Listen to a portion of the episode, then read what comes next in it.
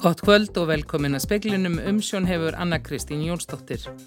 Fjármálaráðinni til vannmatt breytingar sem fylgdu heildarsamningi við Microsoft fyrir fimm árum, væntingar um hátt í 6 miljardar króna árlegan sparna gengu ekki eftir. Þetta er meðal niðurstaðina í úttekt ríkisendurskoðunar.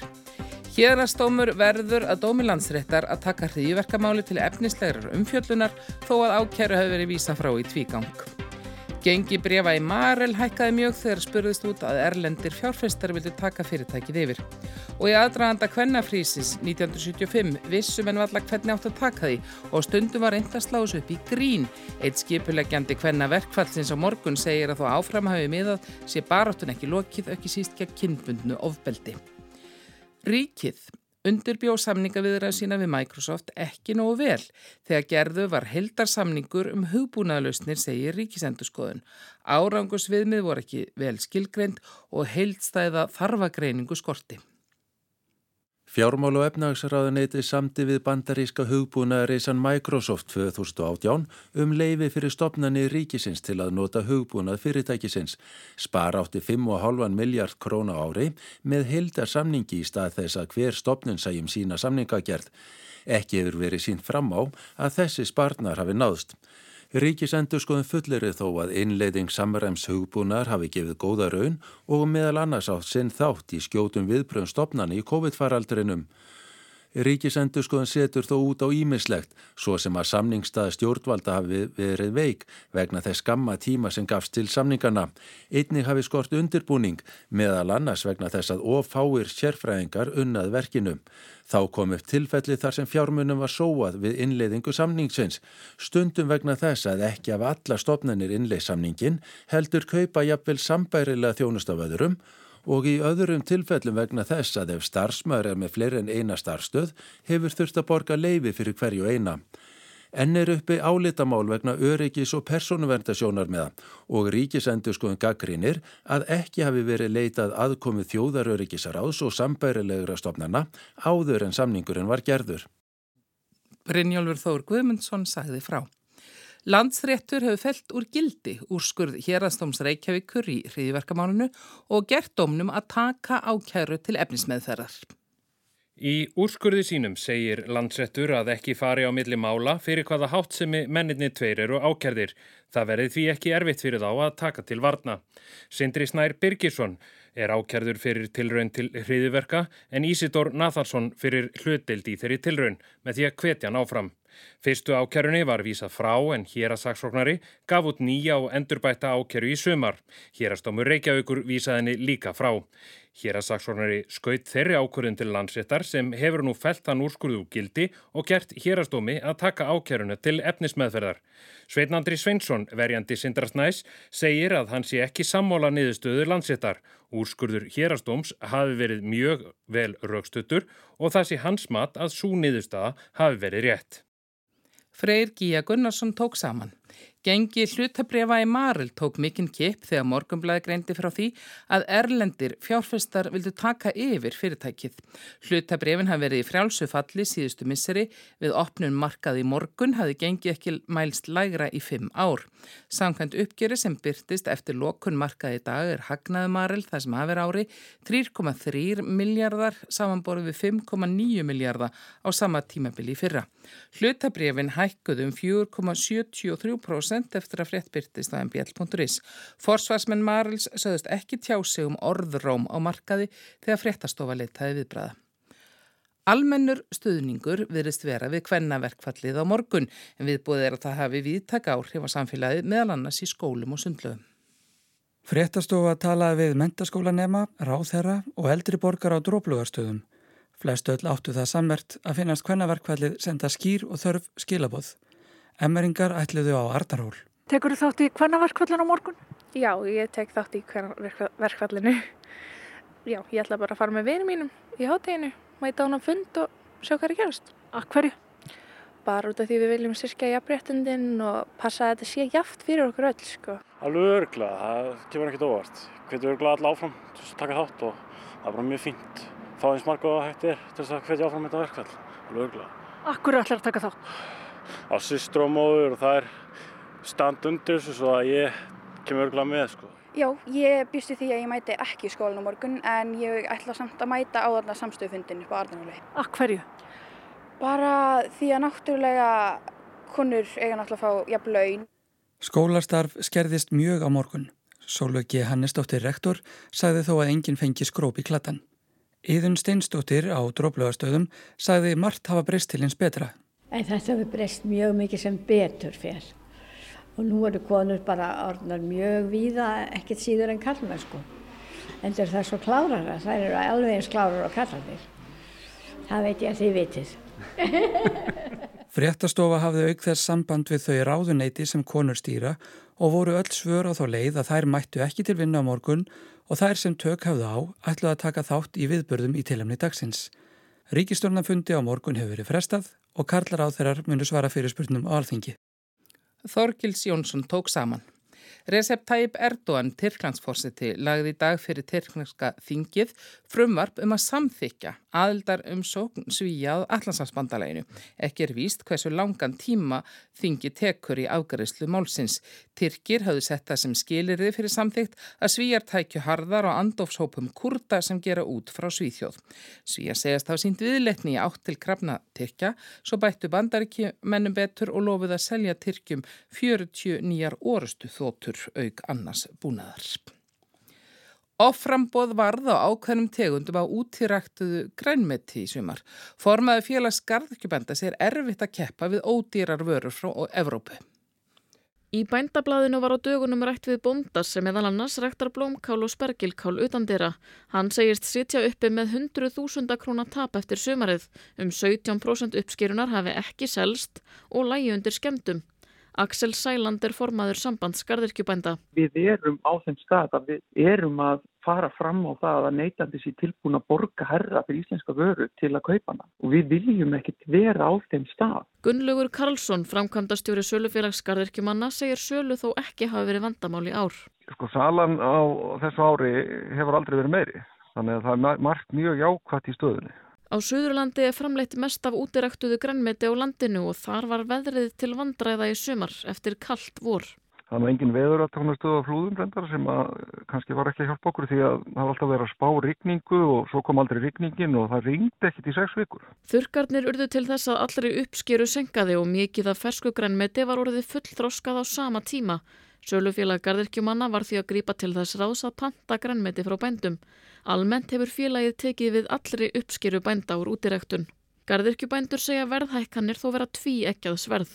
Þegar að við þurfum að fá sem best verð fyrir okkar vöru í útiræktinni að þá er verðið lægst í Evrópu því að þá er mesta framleyslan í gangi þar og tollarnir koma að okkar mati of seint á sagði Axel Sæland, Ólöf Rún Erlendstóttir tók saman. Síld mókveiðist fyrir vestanland þar sem íslenska sumargóts síldin heldur sig. Meðal þeirra skipa sem hann verið að veiðum er beitir frá Neskjöpstað.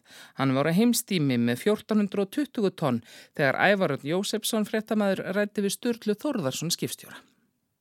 Það er bara allt vaðandi síldatengsta. Hvað er, hvað er þessi síldarganga mikla? Herri, við vorum 40-50 milju vestur af Andarnesi og það var talsveit að sílda á nóttunum svona að sjá um minna á daginn. Og aðstæðu góðar? Renni blíða, gæti ekki verið betra. Var þetta falleg síld? Þetta er svona 330 gramma síld. Hvernig gekk þetta allt saman hjá okkur? Hvað voru þið lengi að veiða þetta? Hvað voru þetta mörg höl og, og, og, og svo framvegis? Þetta voru fjögur höl, 1420 tónn. Það voru fleiri hérna að veiða með ykkur? Já, þeir voru að það vil heim og heimaði. Þeir voru að fá góða nafla líka. Og þeir eru bara á heimstíminu núna. Hvað voru þeir lengi að þessu? Að ná þessum fjórum hólum? Við komum þarna á lögataskvöld. Komum þarna bara eitthvað um minna eftir lögatagi. Lögataskvöld. Við höfum verið einu hálfum sólring. Og er stutt í land núna? Nei, langt í land. Það er langt í land en þá? Já. Og verður svo bara haldið aftur til veiða á sömu slóðir? Ég hef bara ekki hugmynd um það. Ég reknaði með því á sagði Sturla Þorðarsson við Ævar Örd Jósefsson.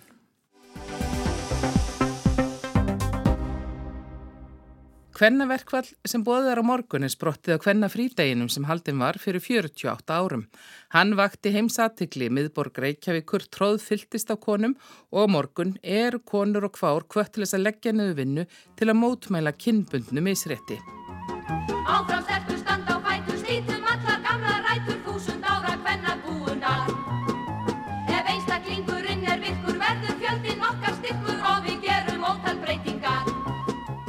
Í aðdraganda þessa dags 1975 var umfjöllun með ymsum hætti eins og kemur berlega í ljós í dagblæðinu frá 23. oktober. Þar segir á forsiðinni ætla upp til fjalla á kvennafrítaginn og vísa til bændakvenna í þingaðsíslum. Á forsiðinni líka sviðsett mynd af ungum manni með svundu sem horfir mæðulegur á unga konu lakka á sér neglurnar og fyrirsögrin þá er það blessað kvennafríð á morgun.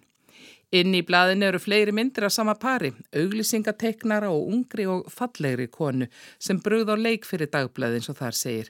Kallin handjátnaður í eldhúsinu á meðan konan dundar við að snirta sig og horfa á hann svitna. Tótnin frekar grínaktur en í leiðara rittstjórnans hveður allt annað við. Þar segir ekkert grín og meðal annars að þjóðfélagið eigi eftir að reka sig á að vinnu framlag útvinnandi kvenna sé mun meir en karla, konur hafi í óþægilega mörgum tilvikum lægri laun en karlar fyrir sömu vinnu og launaflokkun kvenna sé haldir niðri. Kristín Ástgeistóttir, sagfræðingur og fyrirverandi þingmaða kvennlistans er í frámkvæmdastjórn verkfælsins á morgun. Hún var sjálf á í lækjartorki fyrir næri 50 árum. Já Kristín, vissum en ekkert hvernig átt að bræðast við á sínum tíma? Já, þess voru dæmið, menn vissuðu þetta ekkert á hverju væri von og, og þáttakan er því svona gífurlega eins og var þannig 1975 og, og það vildi nú svo til að það voru statir hér erlendir bladamenn vegna landhelgistilina við breyta og þeir ákvaði að vera lengur og, og þess vegna fór fréttin svona víðum heiminn og, vakti þessa gríðanlegu aðtigli og þá náttúrulega urðu menn montnir og svona fóra ja, bæði kallar og, ekki, og, og konur, ekki, það er sem tóku þátt í þessu sem að gerði sér grein fyrir því að þetta hafi verið mjög merkilegur atbyrður. Þar með var, var mjög lítil eh, gaggríni eftir því sem ég best veit á, á þessa, þessa aðgerð. Bara, menn sá að þetta var bara merkilegt og vakti aðtegli. Fyrir 48 árum þá var bóða hvenna frí en ekki verkvall. Það var ekki samstaða 1975 um að kalla þetta hvenna verkvall og mörgum fannst það of allt og rótækt en þetta var reynda líka svona lagarlegt spursmál sko, að þetta væri þá ólaglegt verkvall en nú var ákveðið að, að bara kalla þetta það sem það er, það, þetta er verkvall konur eru kvarta til þess að leggja nýður launuð og ólaunuð störf um, um, um allt land og til þess að sína enn einu sinni fram á mikilvægi starfa hvenna og auðvitað er með því verða raska þjóðfélaginu þá auðvitað þannig að, að öryggis sé gætt. Það nú alltaf taka það fram. Varst þú á Lækjartorki? Já, ég var á Lækjartorki 75. Ég var þá stúdent við Háskóli Íslands og var þannig og það var auðvitað mjög merkileg upplifun að sjá alla þennan fjölda og bara búin að vera að rifja þau upp sko að hlusta á aðalhiði Bjartfriðsdóttur það, það var náttúrulega alveg stórkoslegt og er enn, maður er enn gæsa húð sko við að sjá hana flytja þessa ræðu bladlaust og Sérst að hún, hún myndist á það að þarna 75 þá sagðum sko við erum hérna út af launamírsettinu og vegna vanmatsins á, á störfum hvenna og við erum bara ennþá í þessum sporum. En auk, auk þess þá hefur ofbeldið bæst við að, að við höfum afhjúpað á þessum 48 árum sko þá hefur náttúrulega þetta ræðilega ofbeldið verið afhjúpað. Og, og þetta tengist sko, það sem konur sem eru, eru beittar á áðbeldi, það er eiginlega þetta erfiðara með að, að sinna vinnu og, og náttúrulega dett út af, af vinnumarkanum og, og jafnveg lenda bótum og guð veit hvað, þetta er náttúrulega bara hræðilegur faraldur sem við verðum að kveða nýður. Finnst þér að þungin sé í því meira heldur en af því að nú tala margir um það, það eru fjöldi fyrirtæki í landinu sem er með jafnlauna vottun, það eru í svonum alþjóðlegu úttektum, þá er Ísland í fremstu röð hvað var það jafnbreytti og, og einhverjum finnst að þetta sé bara ekki eh, umræðasins í tímabær og samhátt og hún var fyrir tæmlega 50 ár. Jú, hún er sannarlega tímabær. Það er, sko, við skulum ekki tala fram hjá því að við höfum náð miklum árangri á mörgum sviðum og, og þú sérð bara núna konur út um allt og í áhrifastöðum og þetta skiptir allt máli. En það eru líka hópar hvenna sem eru sko utan við, utan við þetta á lágum launum verða vera jafnvel í, í, í tvöföldu starfi og, og eiga bara mjög erfitt með að ná, ná endum saman. Við þurfum alltaf að minnast á að það er erlendu konu sem hér er og einmitt í MeToo kom náttúrulega í ljós hvað, hvað þær hafa verið beittar margar hverjar miklu, miklu ofbeldi þetta, þetta hangir saman og, og við sáum þetta svo vel í COVID þetta gríðarlega álag á þessum kvennastjéttum í heilbriðiskerfinu, skólakerfinu og það þarf að endur meta þessi störf til launa. Það er bara ljóst. Kristina vona mikil í þáttök á morgun það verða baróttufundir við um land en hápunturinn á Arnarhóli í Reykjavík klukkan 14.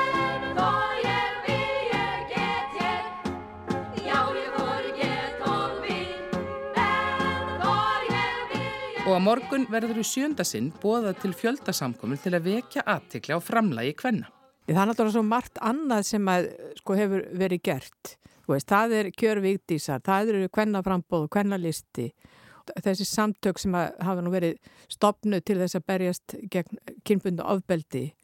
Það eru auðvitað, veist, það eru mikla lagabreitingar og, og það, það eru auðvitað þróun á ýmsum sviðum en samt sem áður þá skulum við ekki horfa fram hjá því að það er við margt að glíma og gleymum ekki því stóra, stóra málið sem blasir við okkur sem er, eru loslagsbreytingarnar sem við eigum eftir að glíma svo hrigalega við í framtíðinni og eiga eftir að bytna á fólki, ekki síst konum og börnum.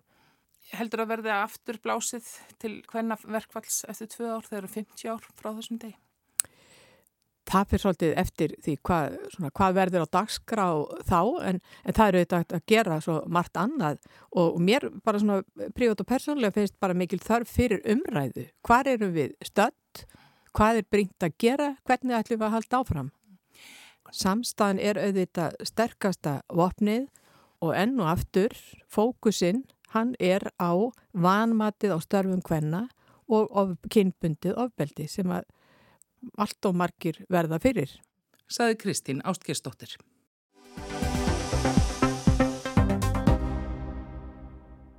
Það er sjaldan loknmótla í danskum stjórnmálum, sérilega í kringum hægri flokkin sem ber hitt sérstakka nafn vinstri eða venstre. Nýjustu vendingar urðu í morgun þegar formaðurinn Jakob Ellimann Jensen tilkynnti á fundi með frettamönnum að hann hefði ákveðið að segja af sér sem efnahags og vara fórsættisráþara Danmerkur og gott betur, hann ætlaði að segja af sér þingmennsku og hætta afskiptum af danskum stjórnmálum og þar með við það skuld að segja af sér formmennsku í floknum. En videre så træder jeg i dag ud af Folketinget og overdrager mit mandat til min suppleant. Den korte udgave fra mit vedkommende. Jeg stopper fullstændigt og endegyldigt í dansk politík í dag. Ég segi samsagt af mér þingmannsku í dag og eftirlætt sætið eftir manni mínum. Með öðrum orðum, ég hætti endanlega afskiptum af dönskum stjórnmálum frá og með deginum í dag. Þannig er það og þannig á það að vera, sagði Jakob Ellimann Jensen. Ástæðuna sagðan þá að sér væri ekki sætt lengur á formanstólinum þar sem hans persóna væri farin að hafa trublandi og neikvæð áhrif á störf og fylgi flokksins. Jeg må konstatere, at min person skygger for Venstres resultater í regeringen. Framtíðin er óskrifað blað, sagðan, en tók fram að hann hefði ákveðið hvað hann ætlar að gera á næstunni. Hvad fremtiden den bringer for mit vedkommende, det må tiden vise. De næste måneder, den vil jeg bruge sammen med min familie. Og det skylder jeg dem. Næstu mánuðina ætla ég að vera með fjölskylduminni. Ég skulda henni það. Kæra Anna-Mari, Fredrik, Karolin og Björn, ég hef saknað ykkar. Ég hlakka til að verja meiri tíma með ykkur. Eftir þetta hjælti Jakob Ellimann Jensen á fundi drottningar og tilkynnti henni afsögn sína. Hann sagði við frettamenn að þeim fundi loknum að ferli hans í danskum stjórnmælum væri svo sannarilega lokið. Stefani Lósi tekur við sem formaður venstre fram að flokksþingi í næsta mánuði. Tróels Lund Pólsen tekur við ennbætti efnahags og vara fórsættisráð þeirra. Fylgið hefur hrunið af venstri að undanförnum ef markam á skoðanakannanir. Í september 2019 þegar Ellimann Jensen tók við formanns ennbættinu var fylgið hátt í 25%. Rúm 13% í þingkostningunum í fyrra og í könnun sem byrtist 3. oktober var það komið niður í 8,7%. Ef markam á orðans á frettamannafundinum í morgun axlar hann ábyrð á fylgishruninu. Egi flokkurinn að geta náð vopnum sínum á ný séu óumflíjanlegt að hann láti sig hverfa. Joachim B. Olsen, politískur frettaskýrandi BT, er ekki á því að það dugi. Man har tidligere set partier skifte ud på formandsposten. Det gjorde konservative i 90'erne og i 0'erne flere gange. Det var ikke noget, der hjalp på meningsmålingerne. Menn hafa áður skipt út formunum eins og íhaldsflokkurinn gerði til dæmis á tíunda áratögnum og eftir aldamót en það hafði engin áhrif í skoðanakonunum, sagði Olsen þegar hann fóri yfir stöðuna. Vandamálið taldi hann frekar það að venstri ætlaði að vera áfram í stjórn með jafnaðarmannafloknum og miðflokki Lars Lökke Rasmussens fyrirverandi forsættisráþara og formans venstri. Þá séu harðar deilur innanflokksins um eh, losunarskatt á danskan landbúnað og það eigi eftir að reynast nýjum formanni erfitt að koma á sátum. Jakob Ellimann Jensen lísti því yfir fyrir þingkostningarnar í fyrra að ekki kemur til greina að venstri tæki þátti að mynda stjórn með jafnaðarmönnum. Þegar áreindi ákvaðan þó að slá til. Fyrir það var hann harðlega gaggrindur meðal samflokksmanna. Fyrir á þessu ári var þann að taka sér fimm mánada hljef frá störfum eftir að hann hafði leitað leknis vegna svima og höfðuverks. Hann sneri aftur á þingað loknu sumarhljegi. Á frettamannafundinum í morgun hvaðst hann ekki verið að hætta af skiptum að politík af helsufars ástæðum. Hann var í orðin dragbítur á starf flokksins og því væri rétt að stíga af sviðinu.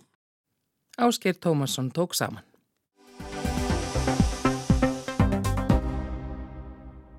Það virðist vera að bæði samanskupið, sérstaklega samanskupið, en líka kvíði og líka skömm hafi bara mjög mikil áhrif á líf mjög margra mæðra. En við sjáum ekki sama munstur hjá feðrunum. Ég heiti Auður Magdís Öðurdóttir og er lektor í uppelds- og mentunafræði á mentavístasviði Háskóla Íslands. Og þú hefur það að rannsaka mömmuskömm? Já, það passar. Við erum búin að vera að skoða það svolítið, ég og Anna Dís Greta Rúdolfsdóttir og í rauninni sendum út svona eiginlega spurningalista þar sem að sko fleiri hundru konur sendu inn bara sín opnu svör við því hvort að finna fyrir samanskapiti, skömm, kvíða en líka stolti og hamingju og, og þess að það er í tengslu við fóröldarhluturkið. Af hverju eru þessar mæður með kvíða og skömm og þessar flóknu neikvæði tilfinningar? Já, móðurhlutverki er náttúrulega búið að þróast svolítið svona á síðastlunum árum út í þar gríðarlega kröfur og þú átti einhvern veginn að vera með lífrannan mat og þroskaleikfung og tómstundirna vinnunar og allt sem þú gerir heima hjá þér, hverja einstu stund átt að vera einhvern veginn að örfa batnið á réttan hátt. Það er aldrei hægt bara að slaka á og bara vera einhvern veginn. Það sinna andlegum þörfum, líkallegum þörfum, félagslegum þörfum á fullkomin hátt. Og þetta er það sem við kallum ákafa mæðrun sem hefur bara verið að sækja í sig veðrið á öllum vesturlöndum og mögulega víðar. Og þegar kröfunar eru orðna svona miklar, þá eru náttúrulega svo mikil tækifæri til að vera ekki uppfyllaðar og þá kemur skömmin og þá kemur saminskupiti sko. Getur nefnt kannski bara eitthvað svona konkrétt dæmi? Til dæmis þessi hugmyndum að þú eigir stöðugt að vera í svona einstaklingsbundnum samskiptum við barnið og þú átt að vera með því og horfi í augun á því bara eiginlega allar ykkar vögustundir og til dæmis sjáum við í svörunum að mæður eru með samvinskupiti við því að taka til eða þrýfa heimilið og elda mat sem áður fyrir þótti bara til marg sem það að þú ert góð móðir, þú ert góð húsmóðir, þú ert að standa því þessu kvenlega hlutverki en núna sjáum við af því að þær eru á meðverðarelda, þá ert ekki að horfa í augunabandinu og þá kemur þessi, er ég kannski að búa til tengslar og eitthvað svona mjög óraunhæfur ótti við að þú sést á einhvern nátt að skada bandnitt bara með því að vera venjuleg manneskja. Og meðan að sko það er enga rannsóknir sem sína það að börn sem að búa bara inn á venjulegum ástrykum heimilum, þú veist, það er bara hverfandi líkur að því að þau sé að fara að verða fyrir einhverjum skaða af því að móðurinn sé að lesa bók eða horfa síman eða elda mat. Þú veist, það er bara ekki þannig. Þetta er einhver svona hugmynd í okkar samfélagi sem að hefur einhvern veginn sprottið upp, þú veist, meðal annars mögulega til að hafa taumhald á konum, sko, að hérna að gera þessa gríðalegu óraunhæfu kröfur. Svo, maður vísi nú í samfélagsmiðla, það efni sem að mæður fá á sína samfélagsmiðla, það er ótrúlegt magn af -hmm. allskynns upplýsingum um hvernig mat sé best að elda mhm. fyrir börn, hvaða þróskaleikfungur er best, hvernig ættu að gera svona og það sem að líka er kallað á ennsku respectful parenting. Lauð rík áhersla á það að það sé uppeldisaðferðin sem að mm -hmm. sé árangusríkust. Mm -hmm. Þekkir deili á þessari uppeldisaðferð? Já ég þekki líka bara þessa umræðu um þetta mikla magn upplýsinga sem að ég held að sé ekki endilega afinu góða sko. Þetta er náttúrulega hluta til líka hérna, mikið af fyrirtækjum einstaklingum sem er að selja einhvers konar bækur eða fyrirlestra eða vörur, er að branda sig sem samfélagsmiðlastjörnur sem er að fá alls konar sponsor og þannig að það er líka komin einhvers kapitalismi í þetta allt saman sko. Gaf maður ekki gleyma því heldur að það er ekki bara í virðingaríku ræð, veist, stefnin heldur líka bara mjög mörgum af þessum stefnum hvað sem það kunna heita að þá eru bara konur í ákveðni stöðu í samfélaginu sem að eiga eitthvað sjans á því mögulega að ná að uppfylla þetta því þú þart mikinn lausan tíma, þú þart fjármunni þar sem þú ert að einhvern veginn að kaupa þér rétt tólintækin og útvista þrifunum til að þú getur verið að horfa í augun á bandinu og þú veist bregðast við hérna ofsakostum og eitthvað á 100% réttan átt. Þannig að það eru bara konur í mikillir forréttinda stöðu sem eiga sjans og þó varðla þær. Þannig að þetta er algjörlega 100% óreinhæft fyrir sko vel flestar konur sem að bara búa ekkert að starfa í þessu samfélagi. En, en karlarnir finna ekki fyrir þessu mikla kvíða og þetta er líka einhver leiti inn í mömmuhópum er það ekki og þetta er svona mm -hmm. líka einhver pressa sem konur setja á konur, er það ekki? Jú, það, við búum bara öll í þessi þjófélagi. Þú veist þannig að það væri bara eitthvað mjög skrítið að pressan væri að koma frá öllum öðrum heldur en konum. Þú veist að sjálfsögðu er, við bara erum líka partur af þessu og ég er alveg líka partur af þessu þó ég sé allan daginn að rannsaka þetta. Þú veist við bara, það er mjög erfitt að aðskilja sig frá samfélaginu algjörlega. En kallarni finna ekki fyrir þessu sama hátt.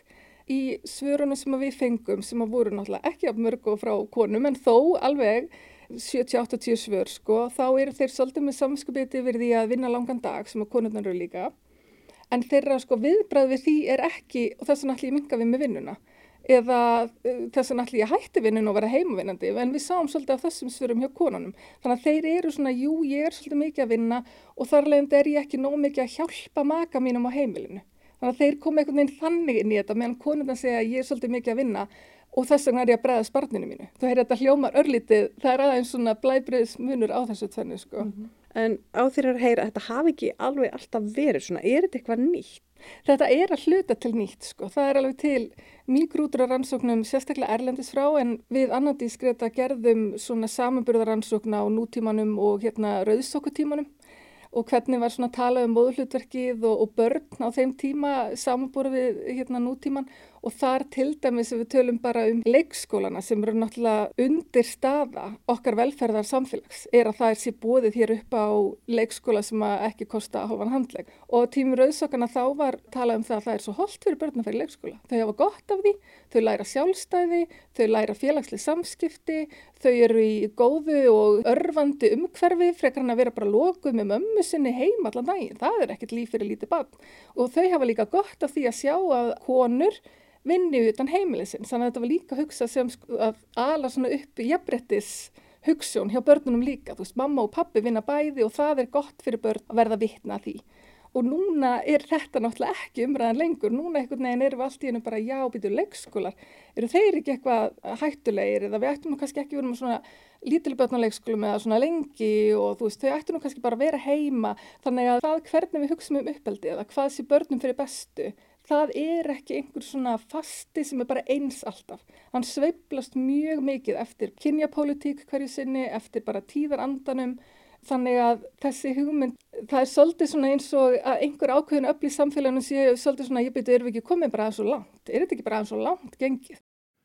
Segði auður Magdís auðardóttir Ragnhildur Torlasís rætti við hana og það verður fjallað um mömmuskom í þættinum Torginu sem verður í beitni útsendingu í sjónvarpinu í kvöld eftir fréttir og veður og veðurhorfur er annars þær að það verður norðanátt 3-10 metrar norðaustan og austalands og rigning eða slitta með köplum, hæg breytileg átt í öðrum landslutum og bjart. Hæg breytileg átt á morgun og þurft og bjart við um land, austan 5-10 síðst annað kvöld. Hiti 1-7 stegi við daginn, mildast við suðvestur ströndina og hiti kringum frostmarki kvöld og nótt. Í speklinum sögðum við meðalans frá því að fjármálaráðunetið vannmatt breytingar sem fylgdu heildar samningi við hugbúnaðarísan Microsoft fyrir fimm árum. Væntingar um hátt í 6 miljard krónar sparnað á ári gengu ekki eftir. Hérastómur verður að dómi landsréttar að taka hriðjverkamáli til efnislegrar umfjöllunar þó ákæru hafi verið vísa frá í tvígang. Búist er við að 2000 leggji niður störfi kvennaverkfall á morgun og mikill fjöldi verði í miðborg Reykjavíkur. Verkfallið hefur viðtak áhrif ekki síst á skólastarf og ríkistjórnafundi hefur verið frestað. Og það var byllandi síldveði fyrir Vestanland þegar tölum við skipstjórn og beiti sem var á heimstími með 1400 tonn. Fleiri ekki speklunum í kvöld. Tæknimaður var Mark Eldredd, Anna-Lísa Hermannsdóttir stjórnaði frétta útsendingu, veriði sæl.